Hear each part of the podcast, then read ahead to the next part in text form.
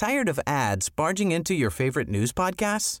Good news. Ad-free listening is available on Amazon Music for all the music plus top podcasts included with your Prime membership. Stay up to date on everything newsworthy by downloading the Amazon Music app for free or go to amazon.com slash news ad free. That's amazon.com slash news ad free to catch up on the latest episodes without the ads. Så frågade de, ja, men fan du ser ju mycket rappare ut än farsan. Så var det den och så drog jag, så kom ju chipsrövs. Ja det är ju inte så jävla, den har levt med alltså. Ja, det är ju inte så konstigt när den chipsröven han hade. Och så var det löpsedlar. var det överallt ja. Porque mi vida yo la prefiero vivir así.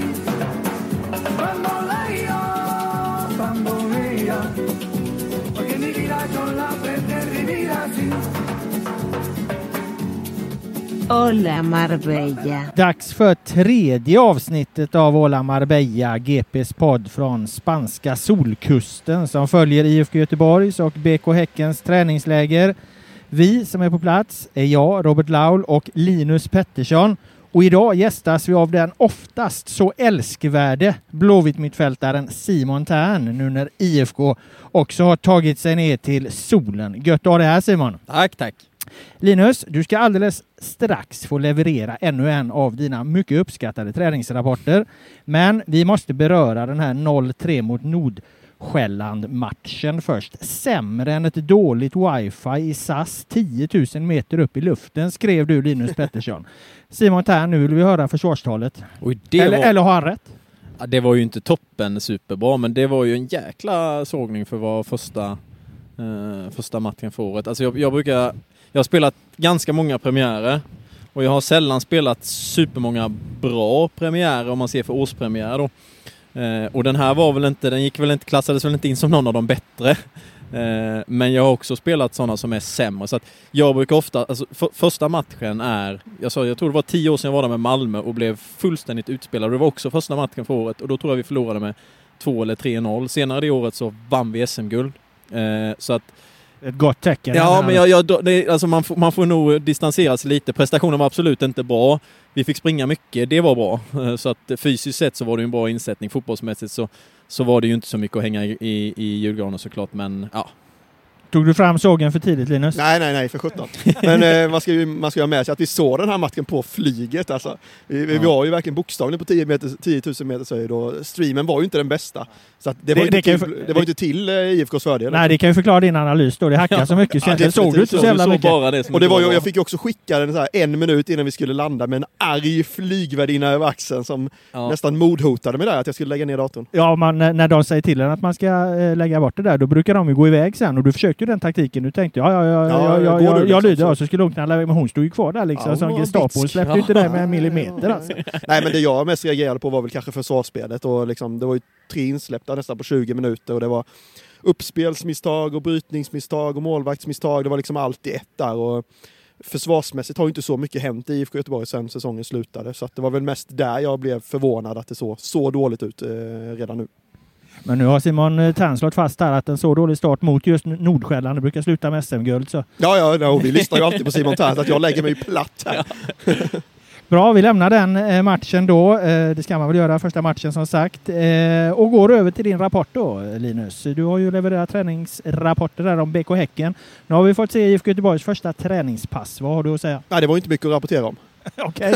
Det var ju kvadraten, 90 procent av passet. Eh, Simon Tern såg ju såklart hetast ut. Eh, Mm, tack. eh, Givetvis, som du gör under försäsongen. Ja, tack. Eh, men vi kan väl dra lite snabbt. Det är några som inte är här. Kalle Johansson är inte här. Eh, Gustav Liljenberg, den nya målvakten, inte heller här. Oskar Wendt har inte heller kommit än. Hemma på grund av sjukdom. Kalle Johansson Som, är ju hemmasjuk alltså. Ja, de är hemma senare. alla tre, de tre på grund av sjukdom. Eller sjukdom i familjen. Eh, vi ska väl inte specificera det mer än så. Eh, Hossam Aiesh har ju varit på landslagsuppdrag så han kommer lite senare. Det är de som saknas, som inte är här. Det vi noterade var att eh, Erik Sorga som supermissade mot Nordsjälland drog in en sån jäkla bicykleta. Såg du den? Nej, jag missade den faktiskt. Nej, det var bland det värsta jag sett alltså. Jävlar Ett alltså. inlägg aldrig från höger och så upp och cykla i luften och så satt bollen i bortre krysset. Alltså jag har aldrig inte sett dig så exalterad. Nej, alltså. det var Du- motsatsen mot Nordsjälland-matchen där. Men, ja, det var en fruktansvärd bicykleta. Så att, till alla oroliga Blåvitt-fans där ute, han har hittat tillbaka till målet. Åh jävlar, och du missade den Tem. Ja, jag missade den. Det var jäkligt. Det var synd jag inte såg Ja, den. nej, något den- sånt den har jag aldrig sett dig göra. Nej, det kan jag säga. Det gör jag inte heller. Nej, nej. Jag har andra strängar på min lyra än det. Men du, om du får värdera Sorgad, om vi nu kommer in snabbt på honom här. Eh, den grova missen mot Nordsjälland och den här bicykletan, vad, vem, vad är mest rättvisande av honom som du har sett? Nej men alltså jag tror ju för en forward så blir du ju alltid bedömd baserat på hur mycket mål du gör. Det spelar ju egentligen ingen roll hur bra du kan vara i spelet om det slutar med att inte du gör mer än två, tre baljer. Och det är klart att eh, jag har inte 110% koll på eh, Eriks historia här den sista tiden men känslan är ju att han behöver få självförtroende för, alltså det där är ju typiskt en sån där grej. Alltså han gjorde väl 30 baljer något i Flora när han var där. Jag tror ju inte han hade missat den i Flora när han stod på 22. Eh, utan det där är säkert en sån sak som du måste hitta målet bara och sen att du får liksom lite flow i det och att man, om man bygger liksom, man rider på den vågen. Ofta är det ju så för en striker att du, det kan ju vara lite torka och, och tufft och då sätter det sig i huvudet och du måste göra mål varje match. Men när du gör som mest mål så då funderar du inte så mycket utan då går du ut och så kör du och så kommer bollarna till dig och du är på rätt plats utan att över, överforcera någonting. Och jag tror att Erik måste ju hitta tillbaka till målet och sen när det väl börjar eh, hitta och komma, komma in i så, så tror jag självklart att, för han har ju liksom, han har ju han är liten och satt, jag jämförde honom lite med, med, med Stefanelli sådär, han är ju liten, rapp. Eh, AIKs Nicola Ja, precis. Stefanelli. då. AIK Stefanelli och, och ha ett rappt tillslag sådär. Så att, men det är klart att det måste, det måste ramla in lite bollar så man, han får lite självförtroende och därför det, jag tror det är det som saknas för att det... det Men, men hitta, hitta liksom den bicykletan då efter den missen, det, det är liksom ett steg i rätt riktning kan Ja, man men det- konstatera i alla fall. ja, absolut. Det tror jag. Det är aldrig fel att göra bicykletas för självförtroendet. Vi ska hålla oss fast lite vid, vid eh, nyförvärvsfrågan här, för en stor fråga i IFK Göteborg det är ju den här målvaktsjakten då och eh, vi har satt ihop en liten punkt här där vi tänkte sätta betyg på IFK Göteborgs sportchef Pontus Farnerud, hur han hittills har löst den här målvaktsfrågan. Eh, och jag kan väl börja med att sätta tonen direkt där då. Jag är Pontus Farneruds insats på eh, målvaktsområdet. Han får ett plus, förlåt en fyr. Eh, för att jag menar det stod ju klart i Ja, när kan det ha varit sensomras att Janis Anesti skulle lämna och fortfarande då är den här första målvaktsfrågan inte löst. Så ett lågt betyg från Robert Laula. Vad säger Linus Pettersson? Jag vågar inte säga emot. Det, jag håller med dig i att det har gått väldigt lång tid. Och de har ju tittat på väldigt många målvakter eh, och det är klart att det är bra att göra ett, ett grundligt arbete så att säga. Men som, precis som du var inne på, de har vetat om att Anesti skulle lämna egentligen ända sedan i höstas. Eh, så nog borde det ha varit en första målvakt på plats. Eh, Farnerud var ju på plats på träningen idag. Han gick där intensiva telefonsamtal som sportchefer gör. Eh, Jag vet inte vem man pratade med i och för sig, men på honom lät det i alla fall som att det, det kommer trilla in en målvakt här, vad det lider. Under lägret. Eh, Det vill han inte specificera. Eh, då tränger vi där mot repen igen då Simon. Eh, vad, vad, vill du försvara Farnerud eller köper du vårt låga betyg? Jag, jag tror ju alltså oftast så när man- det, målvakten är ju en speciell, speciell post egentligen med tanke på att alltså om du värvar en mittfältare eller du värvar en forward så är det ju oftast, de kommer ju få, alla får ju spela på något sätt. Alltså en, en första målvakt är ju, eh, då oftast får man ju kika på kanske andra keeprar eh, runt om i både svenska och kanske också internationella om inte man har någon Eh, i de, de andra lagen som man känner i Allsvenskan som, som man vill gå på. Jag tror att det är nog inte så jäkla lätt egentligen att hitta något som, som ska passa in i hela, alltså i hela, för det finns ju, om man jämför med hur många mittfältare det finns kontra hur många målvakter det finns som är liksom på en nivå som är hög och bra och som ska vara tillräckligt bra för att man ska kunna vara med och slåss i ett topplag. Det, det är inte bara, ja men okej, här har vi 40 olika målvakter, utan jag tror att det blir väldigt selektivt och inte så lätt. Och sen ska det ju också klaffa med, med eh, att målvakterna, alltså de vill. Det är ju inte alla som vill kanske. Det kan, ju- man kan ju ha varit i kontakt med tio stycken och de säger men jag, jag vill ge det antingen om man är andra keeper eller man är första keeper i något annat lag. Att man, man gärna vill jobba på liksom i, i den, den, den miljön man är. Så att jag tror inte att det är så lätt som, så som många tror just när man ser till målvaktsfronten. Även om det självklart har det funnits tid och eh, och jag vet ju också att det, det jobbas ju såklart hårt med att, att försöka hitta, för just nu har vi ju bara en. Vi ska säga det att vi sitter på Blåvitts hotell och eh, Adam Inge Benediktsson traskade precis förbi här i bakgrunden. Alltså, Tillsammans med Erik. Sorg. Det ser ut som han ska de till beachen, han har på sig, Ja, det, bi, han kanske ska skata. Nej, det, det de- ser lite skateaktigt Ja, det ser ut. lite skateaktigt ut. Men det där är också ett radarpar, Erik Sorga och... Ja, de har hittat varandra. De har gjort funnit det, varandra. ja. Ja. Men vad säger du om Adam som målvakt? Han är ju själv rätt tydlig med att oavsett vem som kommer in så tänker han att han ska vara nummer ett. eh, Ja, 20. nej men det är ju kul att man har höga ambitioner men sen så är det ju, men om han spelar tre, fyra matcher eh, och det oavsett så måste det ju, jag menar nu har vi ju Lukas, eh, nu kan jag inte efternamnet på Lukas men han är ju Samuelsson tror jag. Samuelsson, ja precis, han är ju 04-05 där nå- någonting och gå in i en, en elitsäsong med två målvakter var den ena är född 02 tror jag.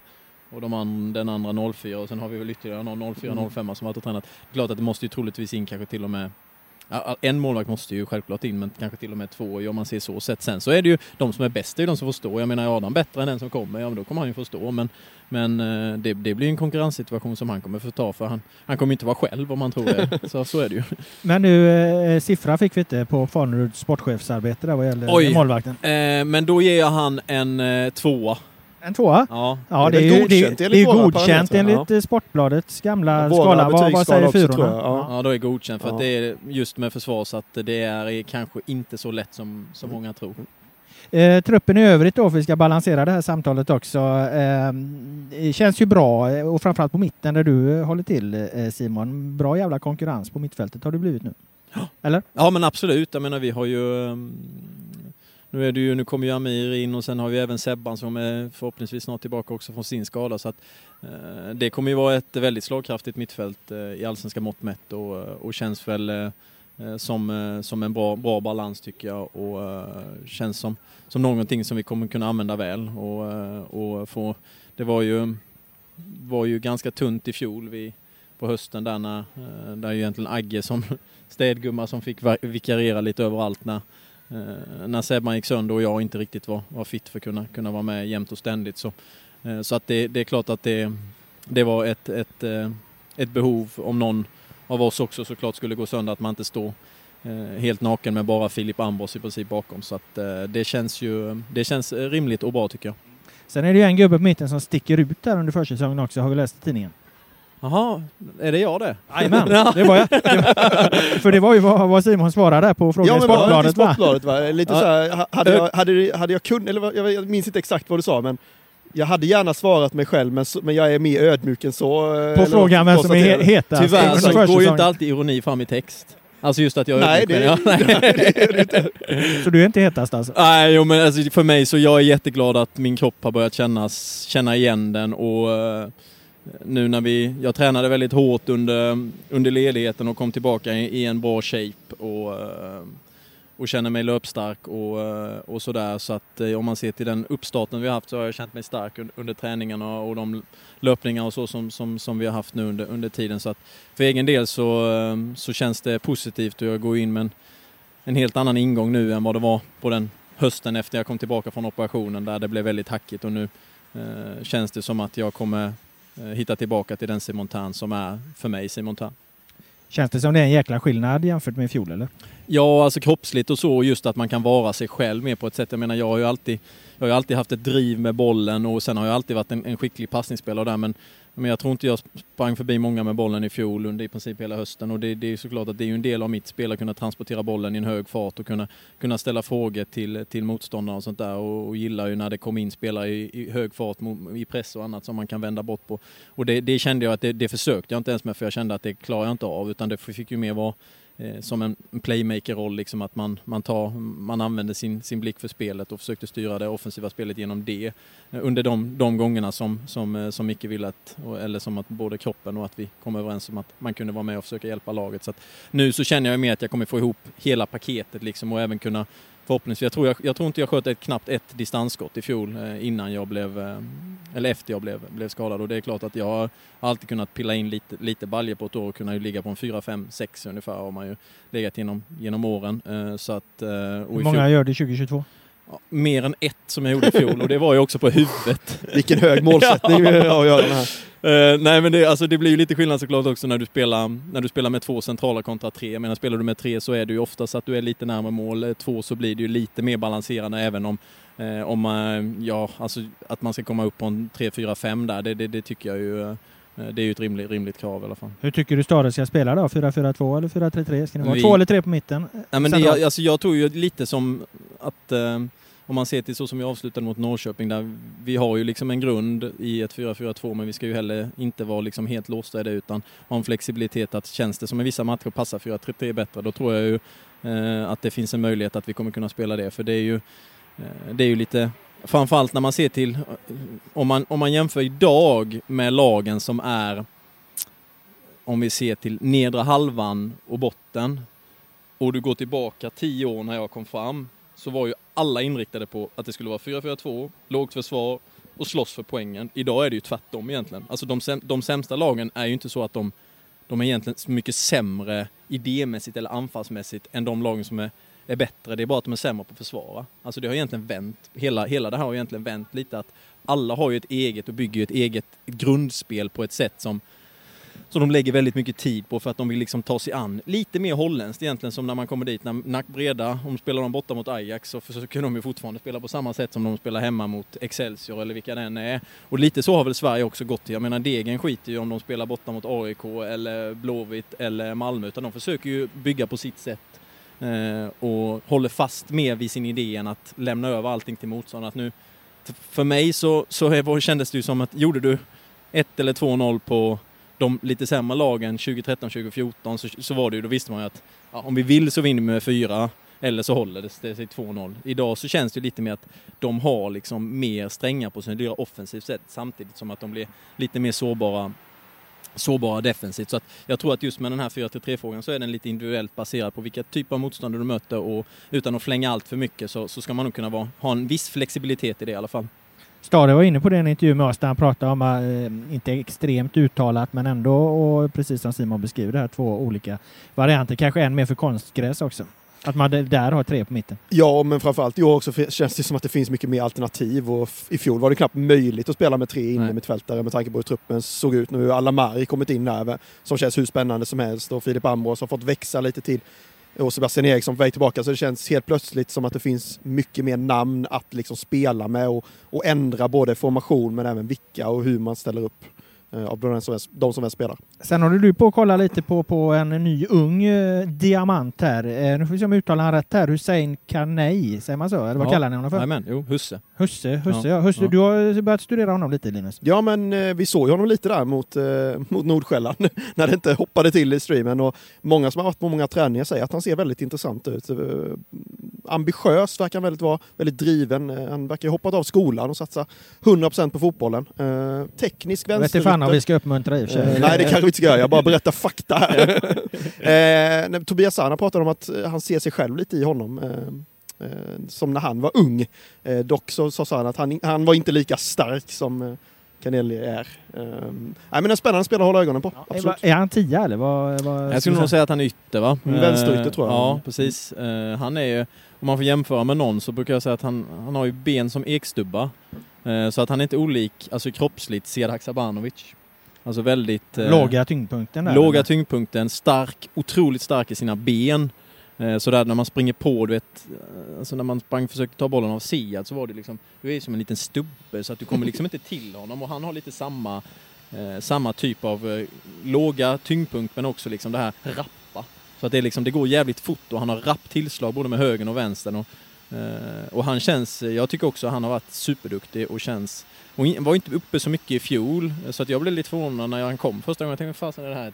Är det ett nyförvärv eller? han har kommit lite från ingenstans. Ja, lite så att man, som. jag hade ingen koll alls. Jag har inte tränat någon gång med honom innan och sen så, han hade ju jätte, tyckte jag i början då också, jättefina egenskaper med hårt skott och den där låga tyngdpunkten och rappa liksom gå från när du väl gör någonting till nästa aktion, alltså det går fort. Man ser att det är liksom en internationell touch på det så sätt. Så att han har eh, verkligen, eh, tror jag, stenhårt också på. Eh, han, han känns superspännande. När eh, Haksabanovic kom till Norrköping skrev jag en krönika eh, med rubriken “Dribblar som Messi, skjuter som Ronaldo”. Kan vi lägga den pressen på Husse också?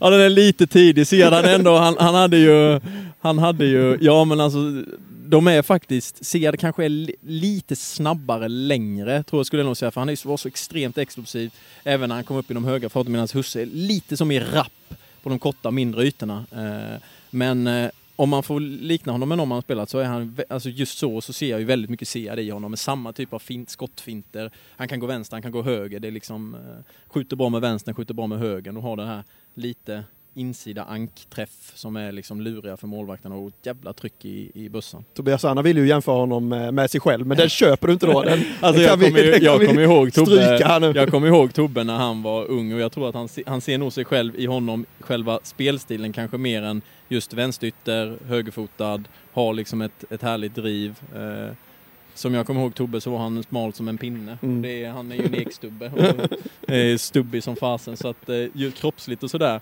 Eh, sen så kan de ju vara samma spela, spelstil eh, men eh, om man ser till hyddan och så så är ju Husse mycket, mycket starkare, mer rivig så på det sättet. Du har ett, nästan i alla fall, rekord i Allsvenskan. Vet du vad det är? Simon? Det är så här att du har, du har representerat sex klubbar som Mm. nu befinner sig i Allsvenskan. I och Ja. med att IFK Värnamo är uppe och i och med att Helsingborg är uppe så blir det totalt eh, eh, sex eh, klubbar. Däremot har du inte spelat allsvenskt med IFK Värnamo. Nej, precis. Eh, det finns det däremot tre andra spelare, Mauricio Albornoz, eh, Pärlan Eriksson och Johan Bertilsson. De har spelat liksom i sex allsvenska Åh, klubbar så att säga. Så att skulle du gå till IFK Värnamo och göra en säsong där i allsvenskan och sen byta ytterligare en gång till en sjunde, då, är du en Då jag allsvensk rekordman. Då, är- då, ja. Ja, Kan jag, du se det hända? Nej, jag tror faktiskt inte det just nu. Utan jag, alltså, vad, det är ju vad man är också i, eh, i livet och hela, hela paketet. Och, eh, just nu så, eh, så trivs vi väldigt bra i Göteborg. Min sambo Vendela hon har börjat studera på universitetet. Vi har två barn varav båda är på förskola och vi har en del familj även i Göteborgsområdet varav svärfar, också gammal spelare, Dan Salin är, är, är bosatt i Göteborg. Så att just hela paketet just nu eh, känns, eh, känns bra liksom och eh, jag ser mig nog här under bra många år. Dan Salin alltså, är svärfar det? Den gamla målsprutan från Örebro om jag minns rätt? Jajamän, precis. Kommer du ihåg han Linus? Eller var du inte född när han eh, dängde in sina mål knappt? Nej, det var långt, Simon långt, långt sig. före min Nej det var jag inte, men han, han är ju lika gammal som farsan ju så att han kom ju, han var ju en late bloomer ju. Eh, väldigt late bloomer var han. Ja, han slog in när han var 30 någonstans. Ja, han, han, eh, han eh, jobbade som vaktmästare på ehm, eh, den lokala där han spelade i Västerhaninge. Eh, han spottade in i sådär 35-40 baljer i division 3. Och så ringde de ju ofta typ Bayern och Djurgården och, och AIK de här ville, men han, han var liksom, nej jag vill inte. Och sen så Vendlas mamma tjatade då till sig, tror jag, som jag har förstått det, på att, ja men fan ska du inte åka och testa med Bayern då i alla fall när de ringde? Jo men okej, åka och testa. Och sen första året åkte de väl ut, men jag tror han blev tvåa i skytteligan. Och sen så tog ju Örebro han va, eh, om jag inte missminner Sen gick han ju även till Ålborg, men han fick ju eh, han fick ju inte många år i eliten för han fick ju sjukhussjukan i foten ju. Eh, där, de, eh, där det höll på att gå riktigt illa för honom när de skulle göra en rutinoperation och, och så fick han det där då. Så angrep ju det brosk och annat så att eh, han har det lite tufft med, med, med travet än idag. kan man lugnt säga. Så att eh, han hade ju otur där för han var ju, Hasse Backe, han brukar prata med mig om honom för han hade det var han som tog han till Ålborg. Han sa att det är den bästa han har tränat och han har ändå tränat en del. Du var lite inne på eh, Linus när vi planerade det här programmet att eh, det här med Värnamo där, för det var lite snack om om Simon skulle dit eller inte. Det är klart som fan att, att Jonas Tern, pappa, under, på julbordet liksom måste ha, liksom, ha stuckit till honom ett Ja. erbjudande där. Alltså vi, vi stod ju efter någon träning här för några veckor sedan, du och jag Simon och, och några andra kollegor till mig eh, och, och ställde just den frågan. Jonas måste ha tjatat på dig i huvudet på dig i vinter. Och då sa du nej, eh, minns jag, och jag blev så här, nej men det där det kan inte stämma. Jo, jag, sa- det- jag tänkte vi måste ta upp det här. Alltså, Ja. Det kan ju inte stämma att Jonas inte har försökt tjata över dig något fruktansvärt Nej, nej verkligen, verkligen inte faktiskt. Alltså inte ens... Eh, ingen, ingenting skulle jag säga. Det var... Han har ju lämnat, alltså han är ju såklart tränare men han är ju involverad i mycket såklart i IFK Värnamo med tanke på att han varit där länge och, och byggt upp det på ett, på ett bra sätt. Eh, den enda som hörde av sig det var ju sportchefen nu Enes och sa liksom att kommer det en dag och du, och du vill flytta hem då vet du ju var vi är. Eh, och sen nu såklart när det blir det ju kanske lite, lite extra såklart när de går upp, går upp i Allsvenskan. Det, då blir det, ju en, blir det ju en annan sak för dem såklart. Med, med alla oss som har varit där. Jag menar det är ju jag, Viktor, Niklas och Josef och Baffo och allihopa liksom som, som kommer därifrån och även Jonathan Ring nu som gick ju. Så, så det finns ju liksom ganska många som har en anknytning och jag tror att han, han slängde ut den kroken till i princip allihopa. Att, eh, eh, sen får vi ju nu såklart se hur de mäktar med eh, det här steget för det är första gången i historien de, de får spela Allsvenskan. Och Eh, Jag tror ju att de kommer kunna fixa det på, på ett bra sätt om man ser till de andra lagen som, som har klarat sig bra och kunnat bygga upp någonting från, från inte så mycket. Så att, eh, men eh, ingenting, eh, och då sitter jag inte här och ljuger för det brukar jag ju sällan göra. så Ja, att, eh, nej, jag litar på det nu. Ja, i, ingenting men att sportchefen hörde av sig och frågade får om du skulle och komma. Så Ja, det låter nej, ändå som ett försök. Det känns Ja. som att Jonas har gått via sportchefen här för att undvika Ja, det- bråk på släktmiddagar Alltså det är klart och att familjebjudningar. ja, nej, det, det var faktiskt lugnt. Jag firade ju inte jul heller hemma så att... eh, Ja, här är det splittringar i familjen här. Han har svar på allting. Ja, ja. Vi kan göra lite halvprovocerande sak här, se om du ställer upp på den. De här sex klubbarna som du har varit i, som nu är allsvenskan i några år, eh, ranka dem. 1 till 6. Vilken är eh, första plats, andra, tredje och så vidare? Alltså just själva rankingen kanske, men, men det som, alltså om man går tillbaka till, till, det är ju många som tycker att man, självklart när man, när man är i en karriär så är det ju många som hamnar i en och samma klubb och sen så kanske kommer ut eller så fungerar det inte ut så kommer man tillbaka till samma, samma klubb. För mig så, alltså jag är ju jättetacksam över att jag har fått chansen att, att få representera dessa klubbar som jag har gjort för jag har egentligen inget ont att säga om någon eh, så sett under den tiden när man när man tillbringade sin tid där. Jag trivdes superbra i Helsingborg, tyckte om människorna som jobbade i föreningen. Eh, Jesper hade jag en jättefin relation till redan innan, Jansson som är sportchef nu i Bayern. Eh, och de tog hand om både mig och Josef eh, eh, på ett fantastiskt bra sätt när vi kom som 18-åringar och vi lyckades ju vinna guld och Svenska Cupen och, och hela skiten. Och sen att det såklart blir kanske känsligt för supportrar och sånt där. Men alltså för mig så handlar det ju mer om att jag, jag har ju fattat mina beslut för vad jag tycker känns rätt, inte vad andra tycker känns rätt. Och så har jag väl egentligen, så lever jag väl mitt liv, alltså det finns väl Eh, jag menar jag var ju inte så, vad var det, 2012, 2013 när farsan började köra med Blåvitts brottarfotboll. Eh, för mig så tycker jag mer det är en lite rolig grej. Nu sitter jag här själv med trikåerna på. så att alltså, jag, eh, jag, alltså, jag, och även om man ser till AIK, man tycker att det var lite misslyckat. Jag kom från, från Heerenveen, hade varit skadad länge, skulle gå på lån, försöka få lite fart och det funkar inte och sen till Norrköping och var där. Alltså jag, jag vill inte egentligen rang, rangordna dem för jag trivs väldigt bra på alla ställen så jag har liksom inget ont att säga om ställena som jag har varit på eller klubbarna för jag tycker att eh, eh det finns olika storlekar såklart på dem och Blåvitt är ju tillsammans med Malmö och AIK lite större än de andra. Eh, och eh, just hela atmosfären, varje, varje klubb är unik på, på, på sitt sätt som, som, jag, eh, som, som är fint och Blåvitt har ju en fantastisk, alltså Kamratgården och det, det är den absolut toppklass, det bästa jag varit på även om man jämför med när jag var i Holland. Eh, och atmosfären runt, alltså just det här att Blåvitt är liksom, det är, en, det är en stark kraft när man känner att när det blåste som, som mest och man tog sig samman och det var liksom inte bara vi spelare som tog oss samman utan det blev liksom en hel drag kring, man känner liksom den urkraften på något sätt och den, den känner du bara i de största klubbarna. Eh, så att eh, jag- kommer inte rangordna dem men jag kan säga att jag har haft en fantastisk tid i, i alla klubbar och jag är jävligt glad att jag har, har faktiskt har tillbringat för jag har lärt känna många människor, fått mycket vänner för livet och framförallt så har jag ju fått en, såklart ett kontaktnät som, som, eh, som är stort. Eh, baserat på om man en dag skulle sluta spela fotboll och hitta på andra saker, vare sig det än är, så är det ju såklart att jag, man känner människor på många ställen i många olika yrken och, och eh, det är ju det är också, det är ingen nackdel skulle jag säga.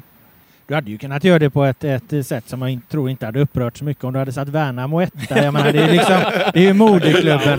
Vänta nu, liksom det är Värnamo moderklubb och allt det här. Och sen Blåvitt är du just nu, Ja. så, så det är ju tvåa. Och sen någonstans så kom du fram i Helsingborg, så det skulle ju alla förstå om du sa- satte som trea då.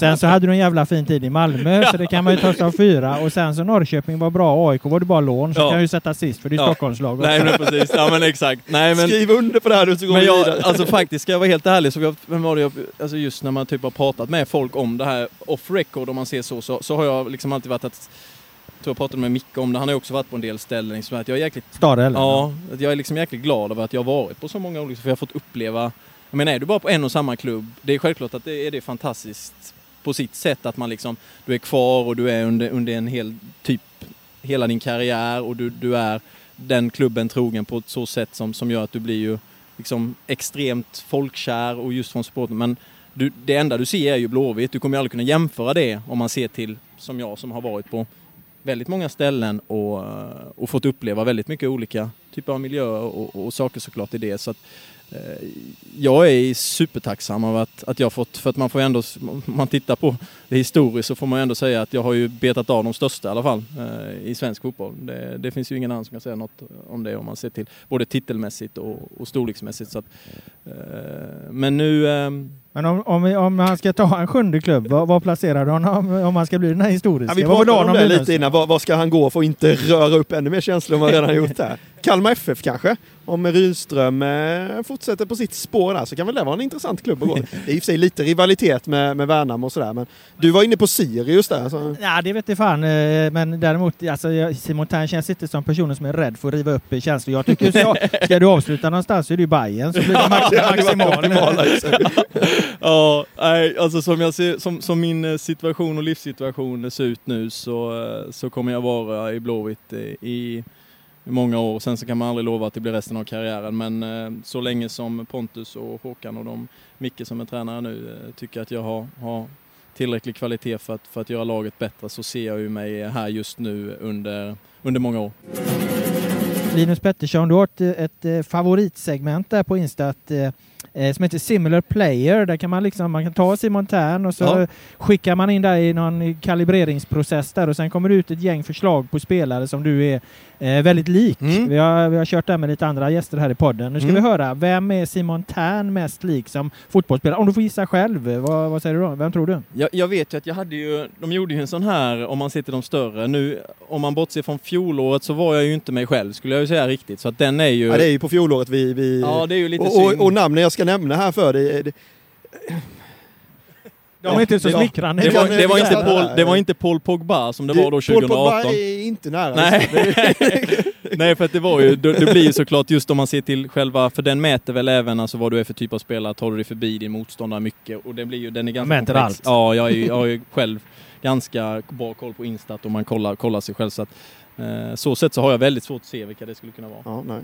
Eh, ja, det, det här har ju blivit ett succésegment i podden skulle jag säga. Om du, om du hyllade träningsrapporterna innan så är det här, det här är ju något revolutionerande. Vi har, I alla fall, eh, 91 procent, eh, det är lite där vi, vi i likhetsgrad, eh, det Ja. där vi, vi snuddar. Vi kommer inte högre, vi har haft några hundraprocentiga här eh, Oj. i podden. Och eh. Erik Friberg i Häcken, han var 99% lik Sebastian Larsson till Oj! exempel. Ja, så att vi, vi, Ja. men så du är inte riktigt Nej, jag är där. inte Det lik finns någon inte så många som är Som är lik dig. nej. Nej. Eh, 91 procent, där har vi Bror Blumme. En 30-årig dansk mittfältare som spelar in- för österrikiska VSG Tirol. Han har vi ju alla koll på. Här har du din tvillingsjäl på fotbollsplanen. Det låter ju inte så exotiskt, men hur, hur är de här VSK Tirol då? Är de okej eller? Det tänder inte historien. Nej, det, Nej, det, det, det är där du har. det är den jag Om är. vi ska gå vidare till lite mer välbekanta namn då, lite mer svensk krets. Ja. Då. Eh, Jesper Gustafsson i Mjällby. Jaha. Ja, där, där har vi också en Simon här. 91 procent där också. Jaha. Eh, Nahom Girmay Netabay, Ja, nu i Kalmar jag. FF. Där Ja, har vi just det. 91 procent också. Det är han är ju bra som fan i och för sig. Jajamän. han var han i Eh, Kalmar tog jag. sen gillar jag, jag gillar ju mer roliga namn. Vi har pratat om eh, Fellaini här och grejer tidigare dagar. Eh, 89 procent eh, likhetsgrad med Samuel Gustafsson i BK Häcken. Ja, okej. Ja. Mm. Men du hade ju, var det inte någon jävel? Du hade Jo för hittat i fasen, vi kommer utsikten här. långt ner Eh, åt 87 helvete. procent Denny Avdic. Oj! Tidigare AIK-are. Den gillar du. Du, jag tror så att du kan om, du, om jag är 87% i Denny Avdi så kan ni nog lägga ner det här segmentet tror jag. För det är jag här inte. Jag, jag har spelat med Denny och jag är inte 87% Denny Avdi ska jag säga. Ja, men det är ju han som är... Vad- vad tänker du på då? Nej, alltså jag tänker på att han är en lång, smal forward, ligger inne i boxen och petar in bollar på mållinjen och inte särskilt mycket playmaker eller någon som, som tar, tar i tag i ett mittfältsspel kanske på det sättet. Men du hade ju ett nickmål i fjol sa Jag hade ett nick, det är väl det, Det då. kanske det är det som det går Det är på. väl det då. Ja. Så att, Ja, men sen har vi också den eh, som jag tycker är med, med lite Göteborgsanknytning då. Erik Westermark. Lagkapten och fanbärare i Utsiktens BK. Vet du ens vad det är Simon? jag känner igen 83 namnet. procent. Ja, jag känner Ja. igen namnet men inte mer än så. Nej, nej. Det, men det är där vi har det, Ja. helt enkelt. Eh, nöjd, missnöjd. Nej, extremt missnöjd skulle jag säga. För jag förväntade mig lite så här Andres Iniesta, Xavi Hernandez eller... Jag scrollade Simon, jag Det scrollade och det, de. det fanns Nej. inget Nej men om ni gick på fjolåret så lägger jag inte jättestor vikt vid det gör det. för att det. var, då blev det ju lite en annorlunda eh, säsong för mig så sett. Men... eh, Men det säger något om självbilden också. Ja, de grejerna, det hör man ju när Det han vill ha sina, sina jämförelser. Jag har ju en rolig bild på Instagram om ni vill ta upp den på när jag, för att det var ju de här, eh, eh, playmaker, vad heter han nu igen? Nu har jag tappat namnet på. Ola va? Just Som, det, de gör som de här gör- spindlarna. Som ja. gör spindlarna, ja, som hade tagit ut då eh, den som var mest lik eh, om det var, det var ju Messi, Kanté, Pogba, om det var någon till. Och då blev jag ju allsvenskans som var likast Pogba då. Oh, mest fan. lik Pogba. Eh, Och då la jag upp en bild på att jag skulle börja mixa lite med mina frisyrer som han gjorde. Så att då körde jag ju någon sån där, de klippte in någon sån här god frilla som han haft någon gång i tiden. Så att om jag ska leva upp till Pogba-auran så måste jag väl börja revolutionera håret också tror jag. Vi Eh, säger så här att vi, vi kollar vad du landar på efter 2022 Ja. och, och kommer Pogba över 80 procent där är du 80 Då är jag med. Då du. fixar du Då frisyren. fixar jag frisyren, det lovar jag. Då blir det gul och grön och lite allt möjligt. Eh, du har en till grej eh, Linus, för vi hade ju Erik Friberg Häcken som sagt eh, gäst här va? och eh, han levererade ju en, en, eh, en enorm hyllning till eh, IFK Göteborg. Sen är det ju då lite eh, hur man ska tolka den, men du ska få lyssna på den här eh, eh Simon så ska vi höra hur du reagerar om Linus eh, eh, får igång den. bästa nian och Gustav är en av de bästa innermittfältarna och, och nu har de liksom vänt och kommit och sen har de Sana och Tärna och Hossam. Alltså det är ju hur mycket bra spelare som helst som alla varit med och, och vunnit grejer och sådär. Så att det, Stare är en av de bästa tränarna så att jag menar det, är- det är klart att de, de ska vara med där uppe nu. De har ju bättre lag nu har de inte haft på många, många år när de kliver in i en försäsong. Så att eh, de kommer bli farliga såklart. Vad tänker du om den hyllningen? Nej men den, eh, den var ju eh, trevlig att höra. Sen så kan jag väl hålla med han är mycket. Jag tror ju just om man ser till slagkraftsmässigt IFK Göteborg så vet jag inte senast om man ser truppmässigt eh, man hade den här kvaliteten som man har detta året. Eh, Då får ni nog hjälpa mig. Jag kan ju inte exakt. Real Blåvitt kanske någon gång där. Ja, det var, vi, vi tolkar ju honom som det här var en krigslist, va? att han vill bygga upp förväntningarna och det är alltid tuffare att gå in i med säsong med höga Mm. Och det kom ju också efter dagen Ja, efter 0-3 mot Nordsjälland. Ja, så vi, kände, li- så vi kände lite nu att det här, det här har han en räv bakom örat, Friberg. Ja, det, är, det är ju kanske inte omöjligt sen. Så, alltså om man ser till de faktiska faktan så är det väl så att Blåvitt har inte haft så mycket bättre spelare på ganska många år om man ser till både erfarenhetsmässigt och såklart då, eh, och kvalitetsmässigt så, så ska man ju ha en, eh, en förväntning som är klart mycket högre än en åttonde plats. Det tycker jag ju liksom. Det är ju... Offensivt håller jag med dig, mittfält och framåt, men jag vet fan om jag håller med dig defensiv, backlinje, bredd eh, och målvaktssituation just nu. Så Nej, alltså det är klart att om man ser till, till hela paketet så tycker jag väl ändå, jag menar det nu är det väl framförallt eftersom inte vi har någon riktig, riktig första målvakt men om man ser till eh, så har vi ändå fått en, en bredd där bak som jag tycker eh, jag har ju, det fanns, vad var, det Starfelt och de här som har varit lite tidigare. Nu är det ju en sån som Bernardo som, som var i Värnamo i fjol som jag har liksom väldigt spännande egenskaper för jag tror att kunna ta, kunna bli en riktigt, han är ju liksom eh, lite mer internationell i sitt spel så sätt. Alltså brassar är ju inte skolade i det svenska med att du flyttar över och du ska liksom, utan där kommer det någon jävel så ska jag ta han. Eh, Han snackade du ju upp extremt mycket. Ja men... eh, och så alltså- blev det ju ingen vidare höst. Nej, han fick ju inte spela så mycket heller så att det är klart att det hänger ihop. Eh, han avslutade ändå på topp får man ju säga, men avgjorde mot Peking borta så och det var väl inte så många matcher innan det. Jag vet inte hur han fick spela vänsterback två matcher både mot Elfsborg och det... Och Hammarby där kastade Ja, det, det blir, det, han är ju ingen vänsterback såklart. Så det var Hur ju bra är han då? en tuff start. Men han är ju, alltså han är ju fin, fin eh, uppspelsfot, är lugn och trygg med bollen och är, är liksom lite osvensk i sitt försvarsspel så sätt att de är liksom, de är ju mer man-man inriktade när de kommer från de här länderna. Att det gäller ju liksom att ta bollen från motståndaren.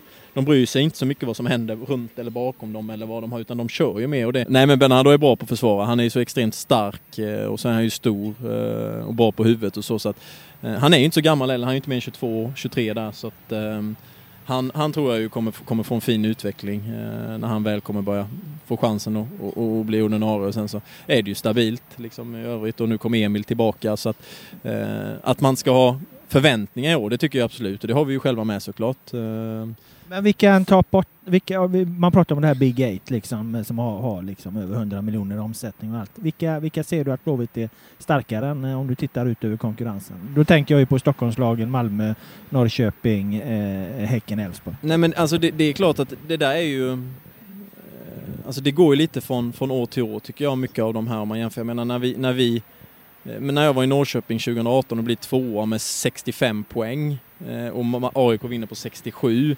så spontant när man gick in i den säsongen och tittade på och jämförde trupper så var det väl många som ändå hade både bättre och, eh, och eh, en högre, framförallt en större omsättning med både med lönekostnader och annat än, än vad IFK Norrköping hade det året. Eh, men allsvenskan är så jämn att det är ju liksom Hittar du lite flow, du får lite självförtroende och sådär så, och du vinner, börjar vinna lite matcher så, så går det liksom, det går fort. Och det är väl det som gör allsvenskan fortfarande lite unikt att även om Malmö har i princip en miljard på banken så har de aldrig, sen de har fått in de här pengarna, runnit iväg på ett sätt som är sådär oj, fyra omgångar kvar, nu är det klart. 2014 var när, när jag var där, det är väl egentligen, då, då tror jag vi vann, då tror jag det var klart när det var tre, fyra omgångar kvar. 2020 var det så också, men det var lite coronaår så det var lite speciellt. Men Ja, men var det- avgjorde de- Ja, avgjorde när det var fyra, fem omgångar Ja, var det så tidigt verkligen? Ja, ja, det var så. 2020 alltså. Ja.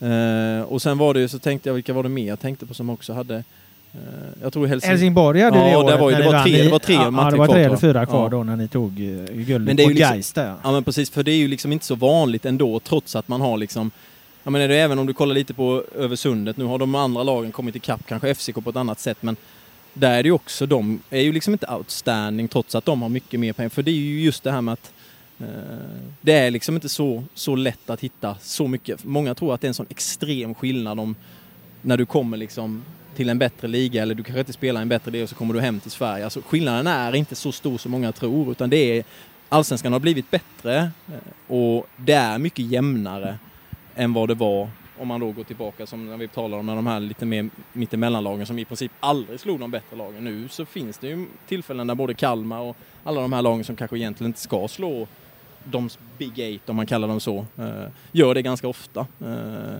och det tror jag är ju är ju något sätt som gör att allsvenskan, jag menar man ska aldrig säga aldrig men det, alltså, ett bra flow och sen vinner lite matcher och sen hux flux så, så kan man rida på den vågen ganska länge för det har jag varit med om och gjort själv. Liksom. 0-3 mot Nordsjälland och så stegrar man Sen därifrån. stegar man därifrån och det är som jag sa då med Malmö 20, jag tror det var 2013, 0, vi började med 0-2, jag kommer inte ihåg om det var 0-2 eller 0-3 men jag vet att jag fick inte röra bollen många gånger i den matchen i alla fall men det slutade med ett SM-guld så att, Ja, det går ju bara att tolka på ett sätt. Då har vi knutit ihop den här säcken också. Vi har suttit här i en, eh, en halvlek med lite tilläggstid. Du brukar vara bra Linus Pettersson på att komma på något vi har glömt och fråga om. Är det något vi har glömt? Nej, men jag tänker vi kanske butiken? ska ge en rapport från Häckenlägret också. Det är ändå sånt vi gör i den här podden, uppdaterar på läget. Damerna har anlänt, de anlände sent under onsdagskvällen med ett supernyförvärv. Ja, Andrine Hegerberg, nya mittfältaren som de har värvat, ja, som jag intervjuade här i morse. Och, och ja, tog, lyssnade lite vilken typ av spelare hon är och vad hon har för målsättning och så här. Eh, och sen har hon en väldigt, väldigt känd eh, syster också, Ada Hegerberg, som ju har hoppat av norska landslaget för några år sedan. Här. Så precis när jag skulle fråga henne om, om, om syrran var på väg tillbaka till landslaget, då kom ju Per-Mattias Högmo, tränaren, in och började prata med henne. Sen välkommen. Så han, han brände ju mina liksom skarpa frågor där. Var, han är alltid på gott humör och pratglad dessutom. Så att, eh, det är väl det vi kan rapportera från Häckenlägret. Mm. Eh, På tal om Mattias- Per-Mattias Högmo så var herrarna nere på beachen igår eftermiddag och körde lite teambuilding. Det är sånt ni spelare älskar. Det byggdes eh, torn med stenar och det Per-Mattias Högmo dribblade också. De dribblade eh, dribblingsbanor med munskydd för ögonen. Per-Mattias Högmo var inte stark på det kan jag säga. Det, var, det finns ett klipp på mitt Twitter där om man är nyfiken på att kolla. Eh, det byggdes torn av människor också. Eh, Johan Hammar ställde sig på Even Hovlands axlar. De är väl fyra meter tillsammans eller någonting. Ja. Så att, eh, men eh, tävlingslystet eh, är väl det man kan ta med sig. Att, eh, det är väl så ni fotbollsspelare är. Kanske även när det är lekar och skoj så, så ska det vinnas. Det är väl. Mm. Det var en fin rapport det också Linus. Och eh, har du inget mer att tillägga Simon så tänkte jag släppa iväg dig nu. Ja, nej, jag har nog bara börjat klart tror jag. Ja, underbart. Det Något var- som fastnar kanske. Ja, det finns nog en hel del. Ja. där. Jag ska bara liksom välja och vraka bland alla rubriker. Men det blir nog något. Någon hittar ni. det är nog inga problem. Ja, jag bjuder på dem. Jajamän. Det Stort tack. Ja. Eh, hoppas du får ett bra läger. Eh, lycka till med årets säsong. Tack snälla. Eh, och eh, tack alla ni som har lyssnat. Eh, Linus Pettersson och jag är tillbaka med den här podden med nya gäster. Eh, vad lider, ha en fin dag. Ola Marbella. Ola Marbella. Hola Marbella. Hola Marbella. Hola Marbella. Hola Marbella. bambolea, porque mi vida yo la prefiero vivir así. Bambolea, bambolea, porque mi vida yo la prefiero vivir así. Hola Marbella.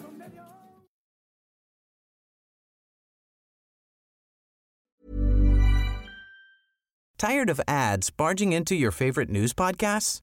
Good news. Ad-free listening is available on Amazon Music for all the music plus top podcasts included with your Prime membership.